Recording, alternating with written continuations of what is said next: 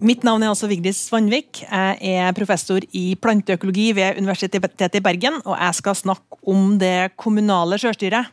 Er det svarteper eller trumf for naturen? Men før, før, jeg liksom kommer inn på det med det kommunale sjølstyret, har jeg lyst til å snakke litt om hva, eller hvor naturen faktisk er.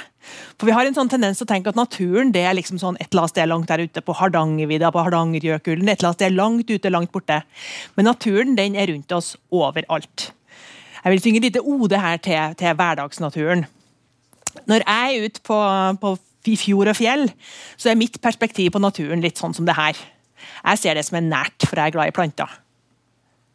Venninna mi Andrea hun er også veldig glad i å være ute i naturen. Så lenge hun bare kan være sammen med noen, for hun syns at selskapet det er det beste med naturen. Mannen min han er også veldig veldig glad i naturen, og en av de tingene som han er aller mest glad i, det er å puste luft når det nesten regner. For da er lufta så deilig å puste, syns han. Her er faren min. Eh, han er også kjempeglad i naturen, men han er aller mest glad i naturen når han får lov til å høste noe fra naturen. Plukke bær, f.eks. Og I år så kom eh, Naturpanelet, eller IPPES som de heter på fint, eh, med en rapport som snakka om alle de forskjellige måtene vi kan verdsette naturen på. Og det de fant ut var at det er noe sånn som 50 forskjellige måter vi kan verdsette naturen på. Noen av disse verdiene dreier seg om gleder ved naturen, naturgleder, som det jeg har snakka om nå. Andre ting dreier seg om direkte om pengeverdier som vi kan høste fra naturen. Andre ting igjen dreier seg om hvordan naturen understøtter livene våre, levevisene våre osv. osv. Um, hvis du spør folk i Norge om de er glad i naturen og om naturen er viktig for dem, så svarer 87% at naturopplevelser det er svært eller ganske viktig for meg. Så naturen er viktig for oss på veldig mange ulike måter. Denne Rapporten fra Naturpanelet den viser som sagt forskjellige måter vi setter pris på naturen på. Og faktisk så lister den opp 50 forskjellige måter å, å, være glad i naturen eller å sette pris i naturen på. Eh, noen av de handler om at vi lever fra naturen, altså at vi spiser ting som fiske, fisk, plukke bær, ting som vokser i naturen. Noen av de her verdiene handler om at vi lever i naturen, altså vi liker å gå på tur eller oppleve eller være i naturen, eller puste regn, som mannen min liker. Noen handler om å leve med naturen, altså at vi på en måte en, føler oss som en del av naturen og deltar i den. Eh, mens den siste kategorien handler om å leve som natur. og Da tenker vi typisk sånn som urfolk gjør, hvor de liksom er, er en del av natursystemet. Og Alle disse måtene å sette pris på naturen på, de kan brukes til ganske mange forskjellige ting. Vi kan bruke dem til å rekke den på om vi skal bygge en vei eller ta vare på natur, altså hvor mye naturen er verdt. Vi kan også bruke dem til å argumentere for hva som er viktig i samfunnet vårt. på et mer sånn grunnleggende plan. Så Det er veldig mange forskjellige måter å sette pris på natur på, og det bruker vi til veldig mye forskjellig. Eh, I Norge så har jo Fosen-dommen nettopp skylt innover oss, og der er det veldig forskjellige naturverdier som, som kommer til grunn. Er det vinden og, og, pengeverdien som ligger i den vinden som bles over Fosen vi skal sette størst pris på, eller er det samene sin rett til å utøve sin kultur? Det er helt forskjellige verdisystemer. Eh, en av studentene ved, doktorgradsstudentene ved mitt institutt, eh, Jared, han har studert det her i vårt nærmiljø i Nordhordland. Og en av de tingene Han gjorde var at han gikk ut og spurte folk hva er det du setter pris på med naturen. Og Her også undersøkte han to forskjellige områder.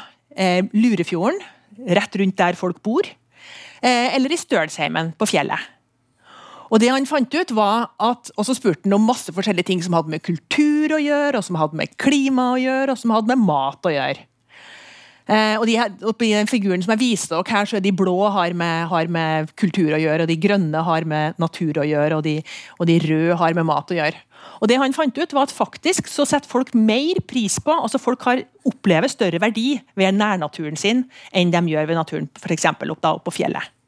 Og Særlig sånne ting som har med, med, jakt, fiske, men også det med å få inspirasjon, det får vi i ganske stor grad av nærnaturen vår. Så Den naturen som er rundt oss i hverdagen, den er viktig.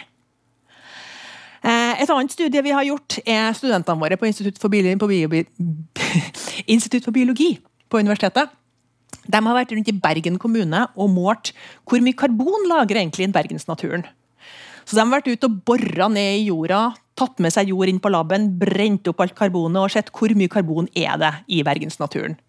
Massevis av tilfeldig valgte eh, punkter rundt på Bergenshalvøya. Eh, og det de fant ut, det var at i gjennomsnitt så lagrer bergensnaturen Altså det er de blå eh, punktene her.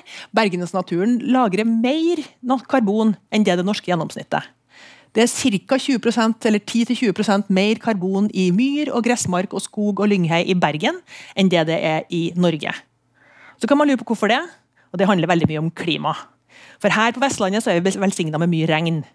Og Jord som får mye regn i seg, den blir det som man kaller for vassjuk. Og vassjuk jord den bryter ned karbon veldig sakte, og dermed så får du god karbonlagring. Dårlig for å dyrke korn i, f.eks., men veldig bra for karbonlagring. Og faktisk, Hvis du ser på hele verden, så ser du her et sånt kart over hele verden.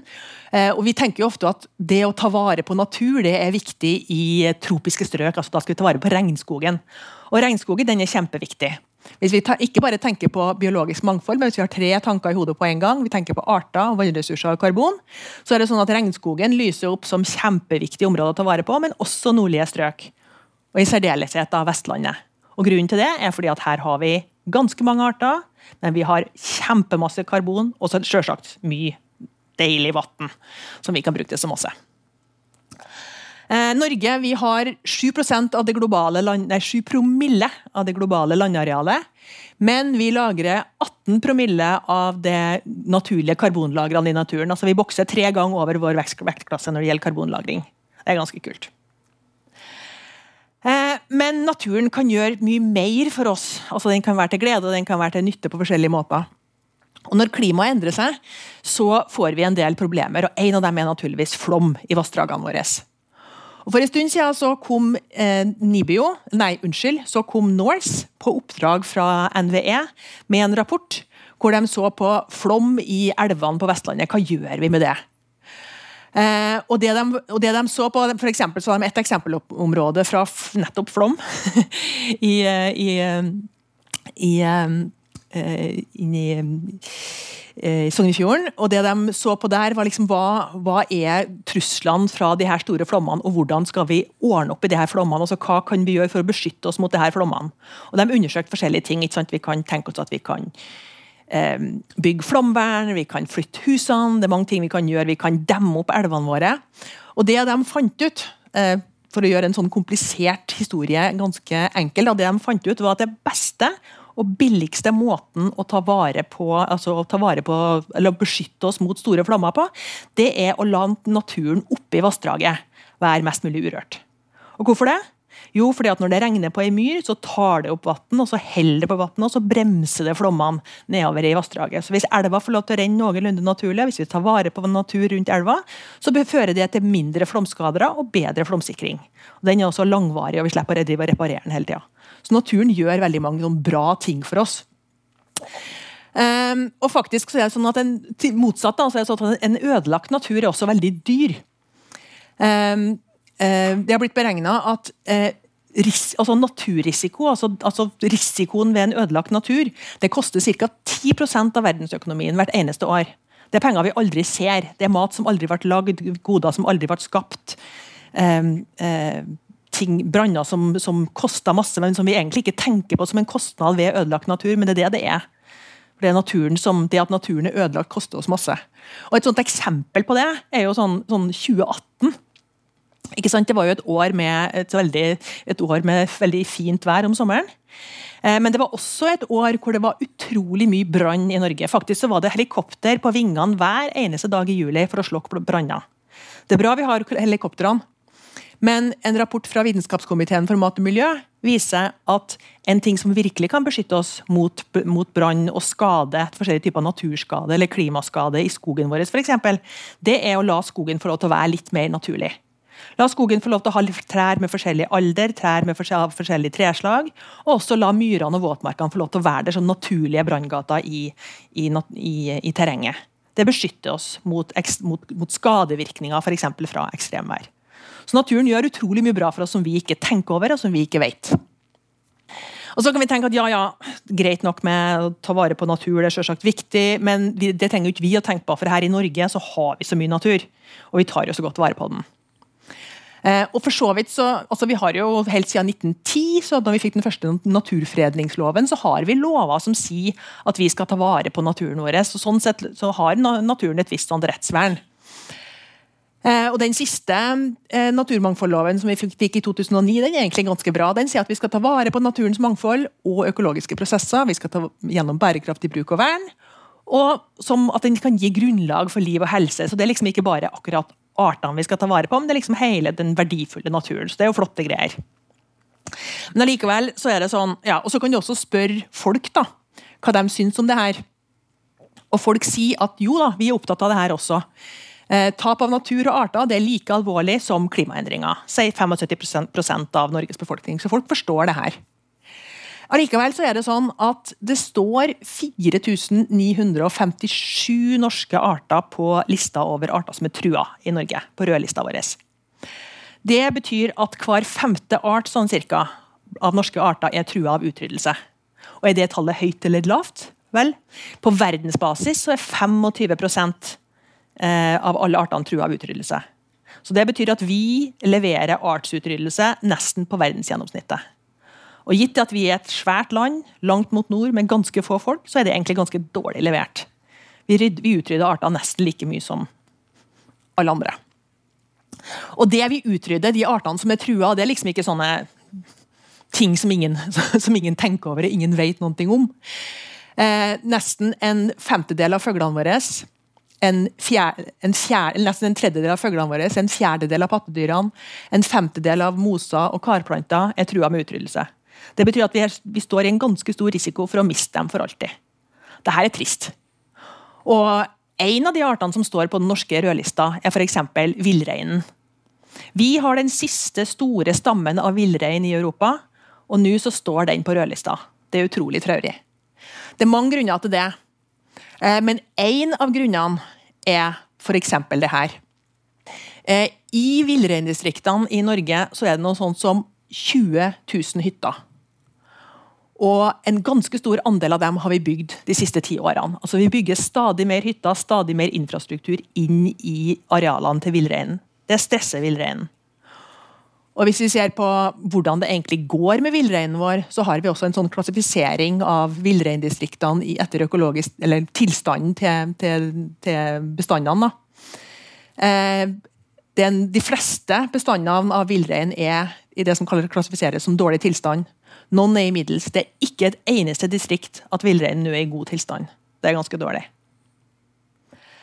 Eh, og Hvis du ser totalt sett på de artene som er trua i Norge, da, så er det sånn at det er arealinngrep. altså Det at vi flytter inn og tar plass og breier oss, det er det som er hovedårsaken til at arter eh, er trua.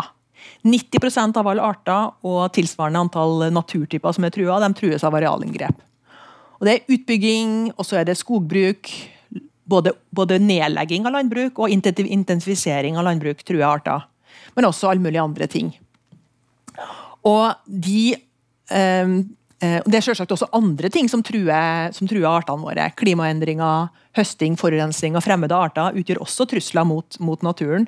Men det er suverent arealinngrep som er den største trusselfaktoren. Og Særlig i skog, og åpent lavland og våtmarkene og ferskvannene våre, så er det arealinngrep som er den største trusselen. Sånn at Det at vi breier oss, det at vi, at vi tar for mye plass, det er liksom det som er, som er akilleshælen vår når det gjelder å klare å ta vare på natur. Eh, og så er Det sånn at vi, det er jo ikke sånn at vi, altså vi vet jo det her, vi har jo vi har ganske god kontroll på det her. og Likevel så er det sånn at vi, at vi bygger ned stadig mer natur. I perioden fra 1990 til 2019 så bygga vi ned 50 kvadratkilometer med natur hvert år. Um, og Vi bruker arealene til én ting er til bebyggelse, det er den viktigste. 45% cirka går til bebyggelse, og det er i veldig stor grad hytter. De tar stor plass. I tillegg til det så bruker vi til veier, kraftlinjer, grustak og idrettsarena og alt mulig annet. Um, hvis du tenker på det med, med hytta, da, så er det jo sånn at vi, vi, har en sånn drøm om vi har en sånn tanke om hytta er viktig for oss nordmenn. ikke sant? Det er også en av de tingene vi virkelig setter pris på. Eh, og det her er liksom sånn hytterealiteten. da. Det her er sånn som, eh, sånn som det faktisk ser ut. 25% av all årlig nedbygging av natur i Norge det er til hytta. Og hyttene våre har økt både i antall og i størrelse fra 80-tallet og fram til i dag.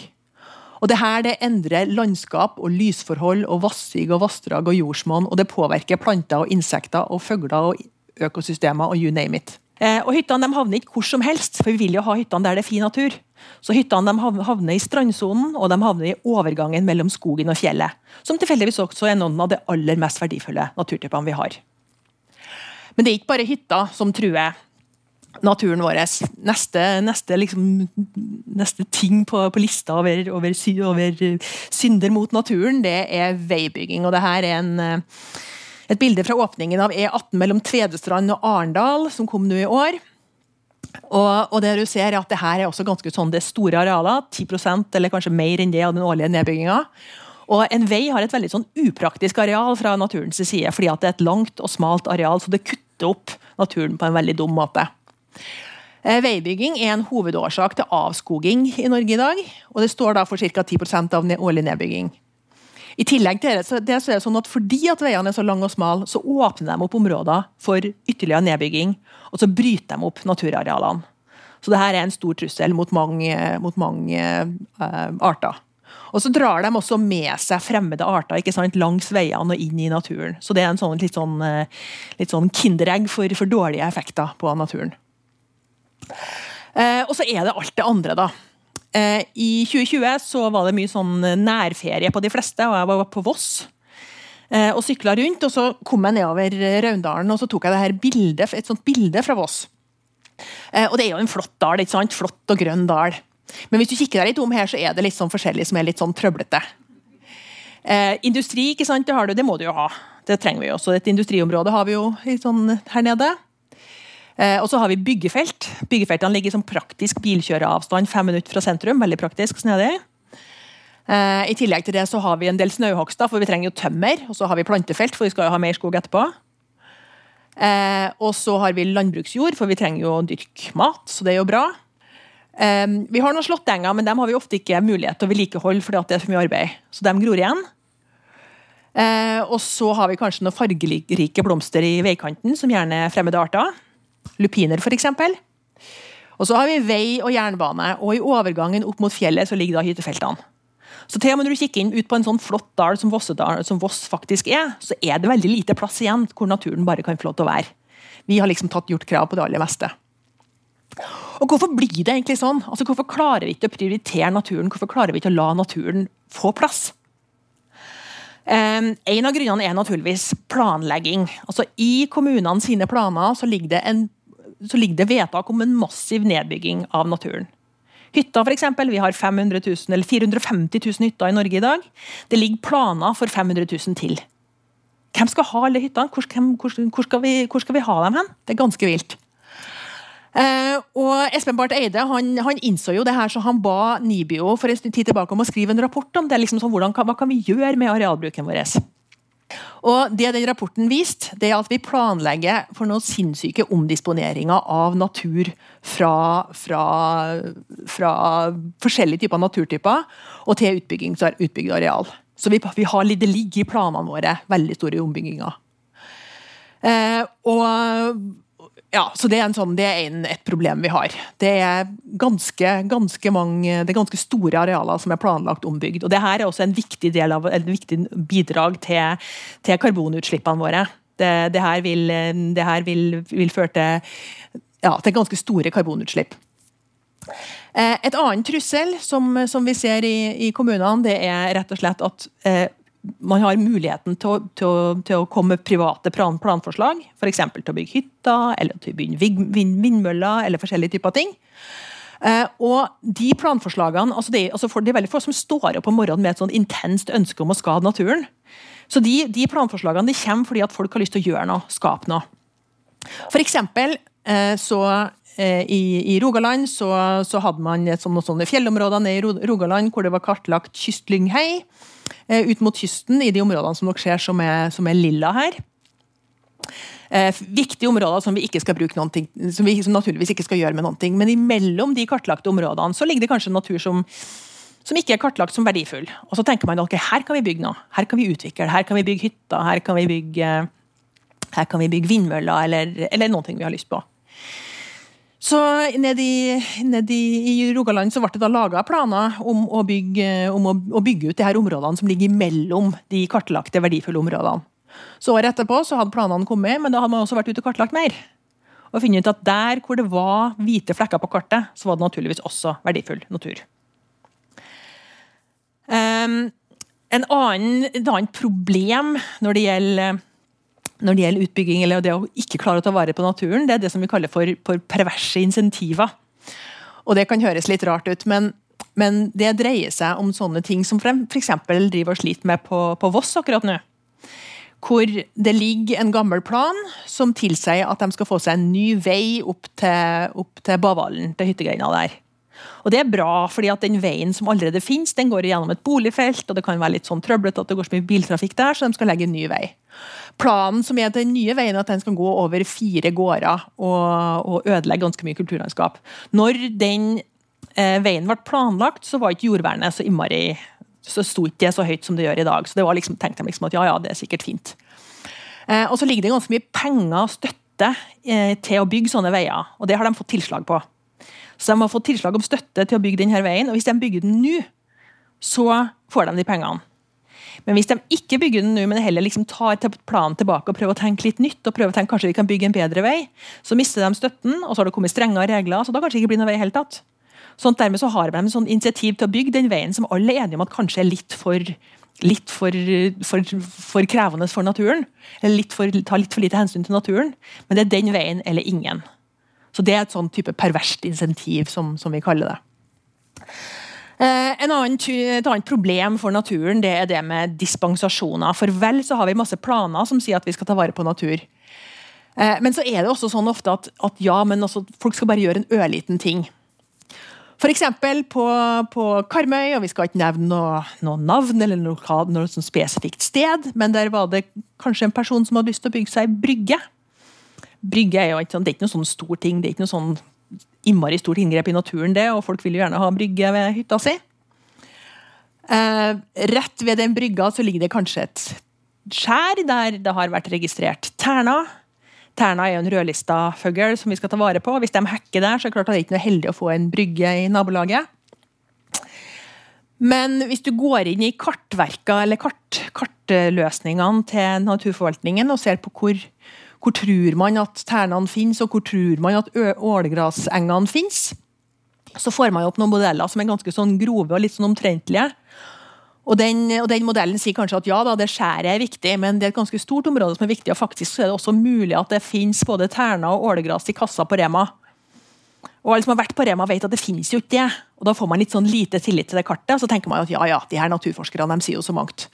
Eh, og den lille brygga kan jo umulig ha noe å si. Og når vi bygger tusenvis av de bryggene, så blir det trøblete. Da blir det store effekter og store konsekvenser. Men hver enkelt beslutning virker liten og uskyldig, så da er det fort gjort å være grei med naboen. Eh, Einar Gerhardsen han satte ord på det, en del av disse paradoksene allerede i 1963. Så sa han at så lenge kampen står om det enkelte vassdrag, så kan det alltid mobiliseres så mange argumenter og så mye politisk press at utbyggingssynet seirer. Så for å unngå en utvikling der Norges enestående natur spises opp bit for bit, var det nødvendig med å få en samla plan. Og Den samla planen han snakka om, var samla plan for vassdrag. Vi fikk bare én samla plan. egentlig. Vi har ikke noen samla plan for myr eller samla plan for ålegraseng eller noe som helst. Eh, og nå er også denne samla planen under press, fordi vi trenger jo kraft. ikke sant? Så han var framsynt, men det er, det er, vanskelig, å stå ved sånne beslutninger. Og nettopp Det er en sånn utfordring som er veldig stor. fordi at Hver gang når naturen vinner, så betyr det at vi ikke bygger ut. Så Da er altså naturens regnskap i null. Mens hver gang når vi, når vi vinner, så bygger vi ut. Og da er naturens regnskap i minus. Og Når det er minus null, minus null, minus null, så betyr det at i snitt og over tid så forsvinner det mest, veldig masse natur. Ca. 50 kvadratkilometer i året. Eh, og I 2022 så kom OECD med en sånn rapport om Norges miljøarbeid. og De spurte liksom hvordan går det egentlig med Norges miljøarbeid. Og De skrøt fælt av elektriske biler og diverse ting. Eh, men de sa også veldig tydelig at naturen det er akilleshælen i Norge sitt miljøarbeid. Eh, andel trua arter øker, eh, og vi trenger mer vern, særlig i sør, sa de. Videre så sa de at påvirkning fra arealbruk, inkludert bolig, fritid og veibygging, den øker. Og det her er ikke ønskelig fra naturens side. Og så sa de også at vi trenger en mer sånn klimasmart samfunnsutvikling. Særlig f.eks. landbruket vårt må bli mer klimasmart. Og så trenger vi også at beslutningsprosessene i samfunnet de må ta mer hensyn. Vi må klare å få beslutningsprosessene til å ta mer hensyn til natur og klima og miljø. Og her er vi inne på det med, det med kommunene igjen. ikke sant? For veldig mye av de beslutningene som går i naturens disfavør, de skjer i kommunene. Eh, så hva trengs da for at vi skal kunne greie å ta litt bedre vare på naturen vår? Og Det første er at vi kan jo begynne å si det. At vi skal gjøre det. Og I desember i fjor så var Norge sammen med 195 andre land i Montreal. Og Der inngikk vi naturavtalen, den globale naturavtalen. Og det her er en fantastisk flott avtale. Jeg var der, og det var også kjempeartig å høre på liksom, å følge med prosessen når den avtalen ble inngått. Jeg skal ikke snakke så mye om det, men jeg har laga en sånn jukselapp til denne naturavtalen som jeg har lyst til å kjøre dere litt igjennom. Eh, naturavtalen har altså 23 mål. Og den har fire store overordna mål. Eh, den første sånn, hovedmålet, den første svingen, det handler om at vi skal, ta, vi skal ta bedre vare på naturen. Og under her så er det fire delmål. Mange har sikkert hørt om mål nummer tre, som handler om at vi skal ta vare på, vi skal verne 30% av land og hav. Eh, men jeg syns at det første målet er kanskje enda viktigere og enda mer ambisiøst. For det sier at vi skal ta, ta, hensyn til naturen i all arealplanlegging. Vi skal ha et nær null tap av natur. Så for dem som har hørt om norske kommuner som har vedtatt arealnøytralitet, så er det nettopp her. ikke sant? Eh, den andre svingen den handler om i naturavtalen, eller de neste fire målene, det handler om at hvis vi skal klare de første fire, så er det en del ting vi må unngå. Så denne, de her fire målene de sier at vi skal, vi skal stoppe skade på naturen fra høsting og bruk av arter, fra fremmede arter, forurensning og klimaendringer. Vi må klare å bremse opp for de store skadevirkningene der. Den neste runden med mål det handler om at hvis vi skal få med folk på å ta bedre vare på naturen, og på å slutte å ødelegge naturen, så må de få noe igjen. Og det de skal få igjen da, det er jo alle de her naturgodene som vi snakka om i begynnelsen. ikke sant? Folk må få tilgang på ville arter og naturgoder. Faren min må få lov til å plukke bær. Eh, vi må ha et bærekraftig landbruk, skogbruk, havbruk og fiskerier, for vi skal jo ha mat. Eh, I tillegg til det så må vi passe på at alle de andre økosystemtjenestene enten det er flomsikring eller karbonbinding eller hva det måtte være, at de blir opprettholdt. At de blir understøtta. Et veldig interessant mål her er også at det skal bli mer, det må, vi må ha mer og bedre tilgang på natur i byer. Og Det handler jo nettopp om at folk må ha tilgang på natur der de, der de er. Sånn som Jared fant ut, ikke sant? at folk, vil jo, folk, folk setter stor pris på den naturen som de får lov til å omgås til daglig. Det mest interessante målene, eller de viktigste målene i denne, i denne uh, avtalen, det er faktisk de 13 siste. Og De handler om metoder. De handler om hvordan vi skal få det her til å skje. Det de sier da, er at vi må, vi må klare å få natur, eh, naturhensyn inn i all politikk og all forvaltning. Det er heller ikke å ha en liten sånn naturavdeling på sida og så kjøre tut og kjøre på resten. Vi er, nødt til, vi er nødt til å integrere naturen i alt det vi gjør. Og så sier de også at vi, skal, at vi må rapportere og synliggjøre hva vi bruker pengene våre på.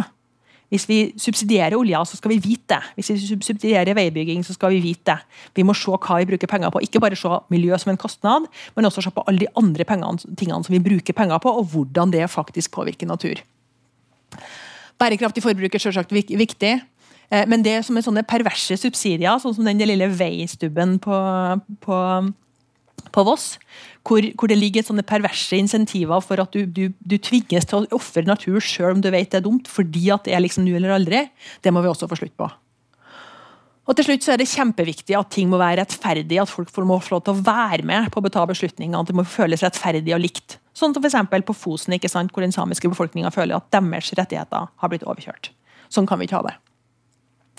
Naturavtalen den har noen mål som skal oppnås innen 2030.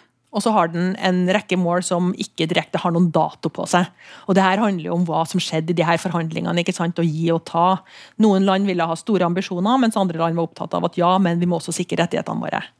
Men det viktigste er at denne avtalen finnes, at landene har forplikta seg på den, eh, og at alle sammen føler at det er noen ting vi kan hente her. Sånn at alle sammen har en interesse av å, av å oppfylle avtalen.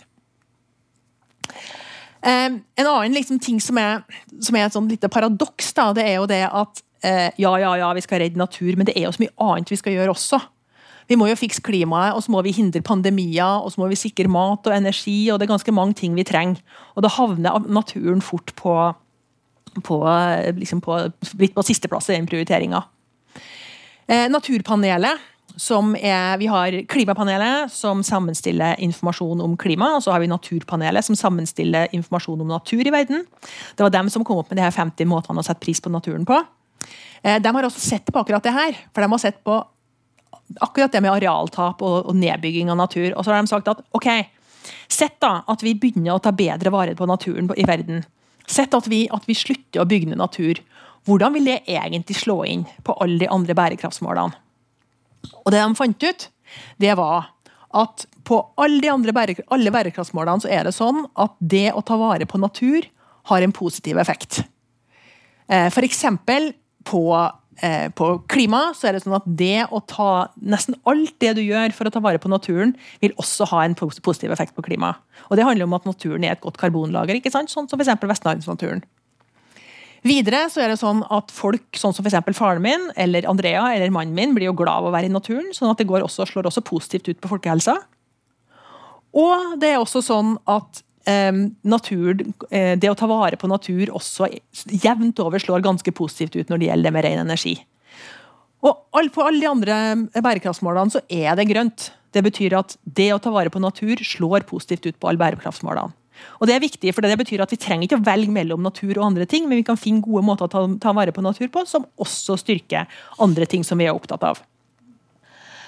Eh, og så kan vi jo gå veldig lokalt. da, så kan vi spørre folk. Nå har vi snakka om at vi har forplikta oss internasjonalt, og så, vi, og så vet vi også at på de store tallene i verden så lønner det seg å ta vare på natur. I Norge så er det også sånn at hvis du spør folk så sier de, altså 75% av Norges befolkning sier at tap av natur og arter det er like alvorlig og like problematisk som klimaendringene. Så folk, folk ser at det er et problem. Og 70% av Norges befolkning sier at norske politikere faktisk må gjøre langt mer for å stoppe naturtapet. Så det er ikke sånn at folk heller vil ha alt mulig annet enn naturen. Enn, enn naturen. Hvis du spør vil du ha billig energi, så sier de ja. Men hvis du spør vil du ha natur, så sier de også ja. Så det å finne ut hva folk vil ha mest, det er jo en det er jo en, eh, en, øvelse. Men det er i hvert fall ikke sånn at du trenger å tenke at du, at du ikke at, at, at, du vil ha folk mot deg hvis du prioriterer naturen. Tvert imot så vil du ha veldig stor eh, andel av folket med deg.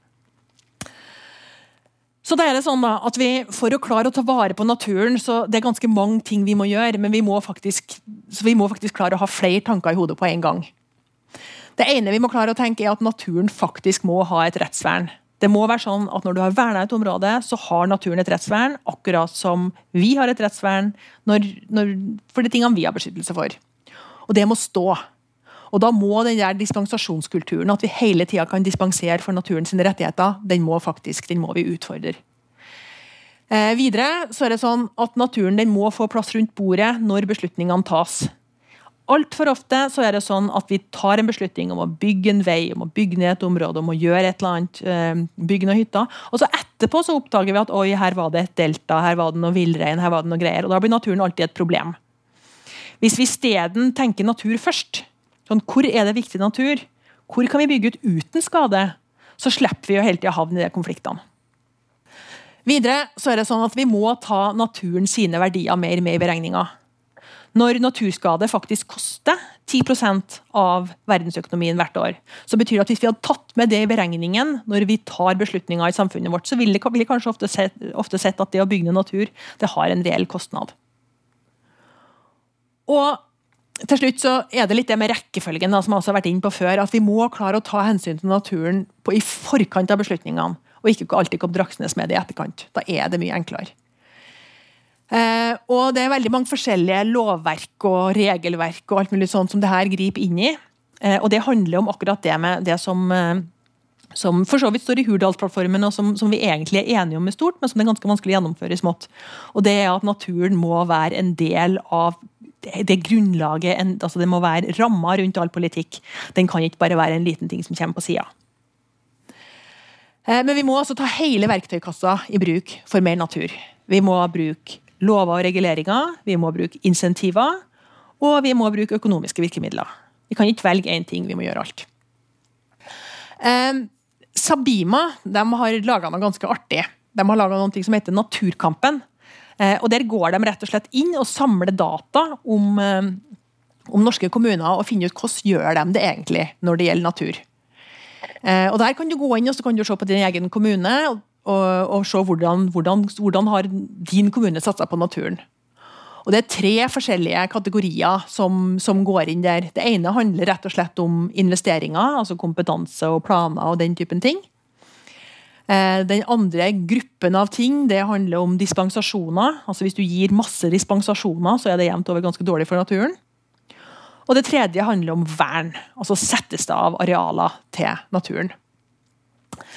Uh, og det er en lang rekke forskjellige ting som, som karakteriserer kommuner som, som, gjør det bra for naturen, og kommuner som gjør det dårlig for naturen inni det, inni det her. Det handler om arealplan og regulering, og vedtak om å være arealnøytral f.eks. er en veldig sånn, bra måte som kommunene kan, kan holde seg sjøl litt i ørene da, når det gjelder beslutningene sine.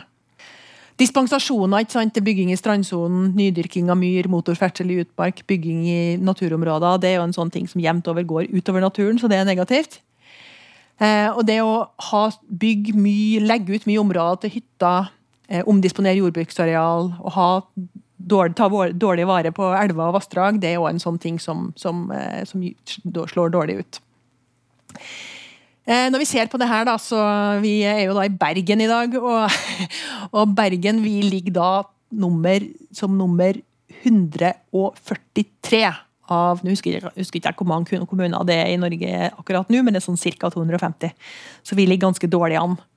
Og veldig mye av det skyldes det med dispensasjoner og nedbygging. At vi har hatt veldig mye av det i Bergen. Vi, ganske, vi er ganske gode på plan, og vi driver og jobber og liksom får opp bedre planverktøy, men, men på dispensasjoner så, så, ligger vi litt dårlig an.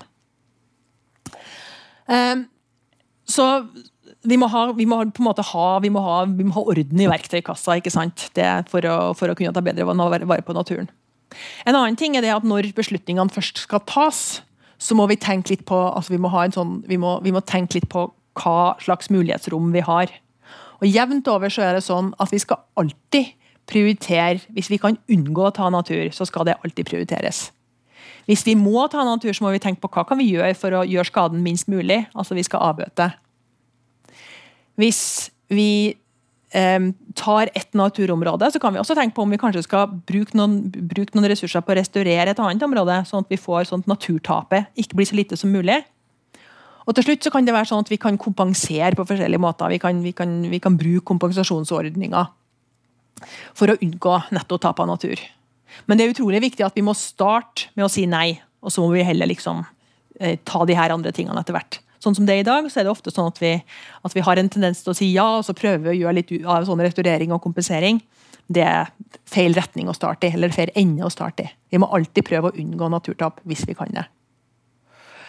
Eh, og så er det med kunnskap, da. Og eh, vi, har, vi, har, investert veldig masse penger i Norge i de siste årene på å eh, eh samle data, f.eks. kartlegge natur. Men som jeg har sagt før, Norge er et stort land, og vi vil aldri klare å kartlegge hele landet vårt. Og Derfor så er det kjempelurt å bruke modeller til å modellere og prøve å finne ut hvor finnes den verdifulle naturen. Hvis dere husker tilbake til kassa på Rimi på Karmøy, så er det viktig at de modellene er gode nok til at folk stoler på dem. Eh, og I et prosjekt som vi jobber med, som heter Ecomap, så jobber vi med akkurat det. Der driver vi og lager finskala kart for veldig masse forskjellige naturverdier, sånn at vi kan vite hvor naturverdiene faktisk finnes. Og så driver vi også og prøver å lage kart som er smarte. altså Vi bruker kunstig intelligens til å lage kart som oppdaterer seg automatisk, sånn at vi slipper å sitte og lage de kartene. Vi trykker ikke dem på papir, men vi lager dem på PC-en, og vi lager dem sånn at de lager seg sjøl. Så når ny informasjon kommer inn, så kommer det nye kart etter hvert. Så det er én måte å gjøre det på. Men det er ikke noe å ha kunnskapen, vi må også bruke kunnskapen bedre. Og da er det utrolig viktig å tilgjengeliggjøre den informasjonen til de som tar beslutningene. Nemlig folk som sitter ute i kommunene, og folk som sitter i, i bedrifter, og folk som sitter og lager de planene, sånn at de vet hva som finnes, og hva som de trenger å ta vare på. Eh, så som en sånn oppsummering, da. Eh, jeg kalt foredraget mitt, eller jeg, jeg, sa at jeg skulle snakke om, om sånn det er tydelig at kommunen har et kort. Kommunen har jo et viktig kort i areal, arealpolitikken, men det er litt uklart om det kortet er svarteper eller trumf for naturen. Det kan være svarteper fordi at uh, vi har en tendens til å ta masse beslutninger som går utover naturen i, i, i, kommunene våre. Men det kan også snu seg til å bli en trumf, hvis det er sånn at kommunene får gode grunner og får gode verktøy til å ta vare på naturen. Eh, og så er det sånn da, at veldig nå, sånn som det er i dag, så er veldig, vi har, jeg sa at vi har planer for 500 000 hytter til i Norge. Det ligger veldig masse gamle planer rundt omkring i norske kommuner, og veldig mye av de planene har satt av enormt store områder til vei, til industri, til hyttebygging, til husbygging. Mange av de planene ble laga i en tid hvor vi, hvor vi ikke hadde, vi hadde ikke så sterke reguleringer. Vi hadde ikke, hadde ikke noen naturavtale. Vi hadde ikke tenkt over hvor viktig det er å ta vare på hverdagsnaturen vår. Så vi bør gå gjennom de planene og vaske dem og gjøre dem moderne. Det er et kjempenyttig verktøy som kommunene kan gjøre. For det andre så er det sånn at Miljømålene som Norge går med på, eller miljømålene som Norge har satt seg, de er ofte nasjonale. Vi skal ta vare på natur, naturen vår, vi skal ikke utrydde arter osv. Men beslutningene som påvirker naturen, de tas i kommunene. Eh, men det er ikke noe oversetting, det er, ikke noe, det, er noe, det er ikke noe forventning som ligger på kommunene når det gjelder hva, slags, hva de skal gjøre for å ta vare på naturen sin. Så nasjonale myndigheter trenger ikke å overstyre kommunene, men de skal si seg et klare krav til kommunene om at dere skal også ta nok på deres arealer, så skal dere ta vare på natur. Og Det med arealnøytralitet er jo en veldig sånn enkel måte å tenke det på. Men kommunene må også rapportere på pengebruken sin, ja. På klimagassutslippene sine, ja. Men de må også rapportere på hvordan de faktisk gjør det på natur. Videre så er det sånn i dag at naturen er i praksis rettsløs. Ehm, vi, har, vi verner områder, men vi bare opphøyer, eh, opphever vernet hvis, hvis det er ubeleilig for oss. Vi må gi naturen et reelt rettsvern. Det er også sånn at i norske kommuner, de som sitter og tar beslutninger om natur, de har ganske lav kompetanse. Det er ofte ikke noen som vet og kan alt det vi trenger å vite og kunne om naturen. Vi må øke naturkompetansen og vi må øke plankompetansen i kommunene, sånn at kommunene vet hva slags natur de har, og de vet hva slags beslutninger de har lov til å ta når det gjelder naturen. Eh, dispensasjonskulturen er altså at vi alltid kan dispensere oss bort fra, fra, fra naturen interesser. Det må vi få slutt på. Eh, og det er litt sånn eh, når det gjelder dispensasjoner, så er det litt sånn at ja, naturen er det kommunene som styrer naturpolitikken. Eh, og Der fungerer det ofte gjennom at vi planlegger og bygger natur, og vi dispenserer oss bort fra f.eks. strandsonevernet osv. Kommunene har, driver også med andre politikkområder, f.eks. skolepolitikken er jo kommunalt anliggende. Men det er veldig få norske kommuner som sier at ja, ja, nei, nei, matte er kjempeviktig. Men akkurat i vår kommune så har vi ikke mulighet til å undervise i matte. Men nabokommunen gjør jo det, så det nasjonale behovet er ivaretatt. Ikke sant? Det er, jo, det er jo det samme. Så i naturpolitikken så er det kommunale selvstyret gir oss lov til å ikke oppfylle lovens behov, mens i andre politikkområder så er det snakk om hvordan man skal oppfylle lovens behov. Det der må vi bare snu på. Og så er det også sånn at vi må, vi må Det er en stor sånn data- og kunnskapsmangel om natur og naturverdier. Og Her må vi tilgjengeliggjøre den kunnskapen på, på, nye måter. Og da Det å ta i bruk nye digitale løsninger, å gjøre kartløsninger tilgjengelig, men også det å sørge for at de folk som, folkene som leser de kartene og bruker de kartene, har den kompetansen de trenger. Det er kjempeviktig. Eh, men så er det også det med ja og nei, da, eh, som er veldig viktig. fordi at um, det er en sånn tendens nå, det er veldig mange kommuner som vil være ja-kommuner. Jeg tenker Ja er kjempebra, ja er et flott ord. Men veldig ofte det vi sier ja til, er jo på en måte utbyggingsinteresser, og det er ting som gir økonomisk vekst, og det er alle mulige sånne ting vi skal gjøre. Eh, veldig ofte når vi sier ja til det, så sier vi faktisk nei til noe annet. Vi sier nei til de som vil ha skogen i nærmiljøet sitt, de som er glad i nærnaturen sin osv. Så, og så, videre. så et ja innebærer alltid et nei til noe annet. Så jeg har lyst til at vi skal si litt mindre ja til økonomisk vekst, og litt mer ja til alle de tingene som gir gode samfunn, lokalsamfunn, som gir gode liv der vi bor. Um, uh, det er jo ofte Altså, uh, når Parisavtalen ble, ble vedtatt i 2015, så, så, var det en sånn vitsetegning hvor de sa at, at, hvor de sa liksom at ja, alle land i verden er helt enige om at alle må gjøre mye mer. Alle unntatt deres eget land faktisk, må gjøre mye mer for å ta vare på klimaet. Og Litt sånn er det med naturen også. Alle andre skal alltid ta vare på naturen. Nabokommunen som jeg sa i sted, og så videre, skal ta vare på naturen. Så jeg tror vi må over til at hver av oss, istedenfor å konkurrere om hvem som kan ta minst vare på naturen, så må vi prøve å tenke på hvem som kan ta mest vare på naturen. Takk for meg.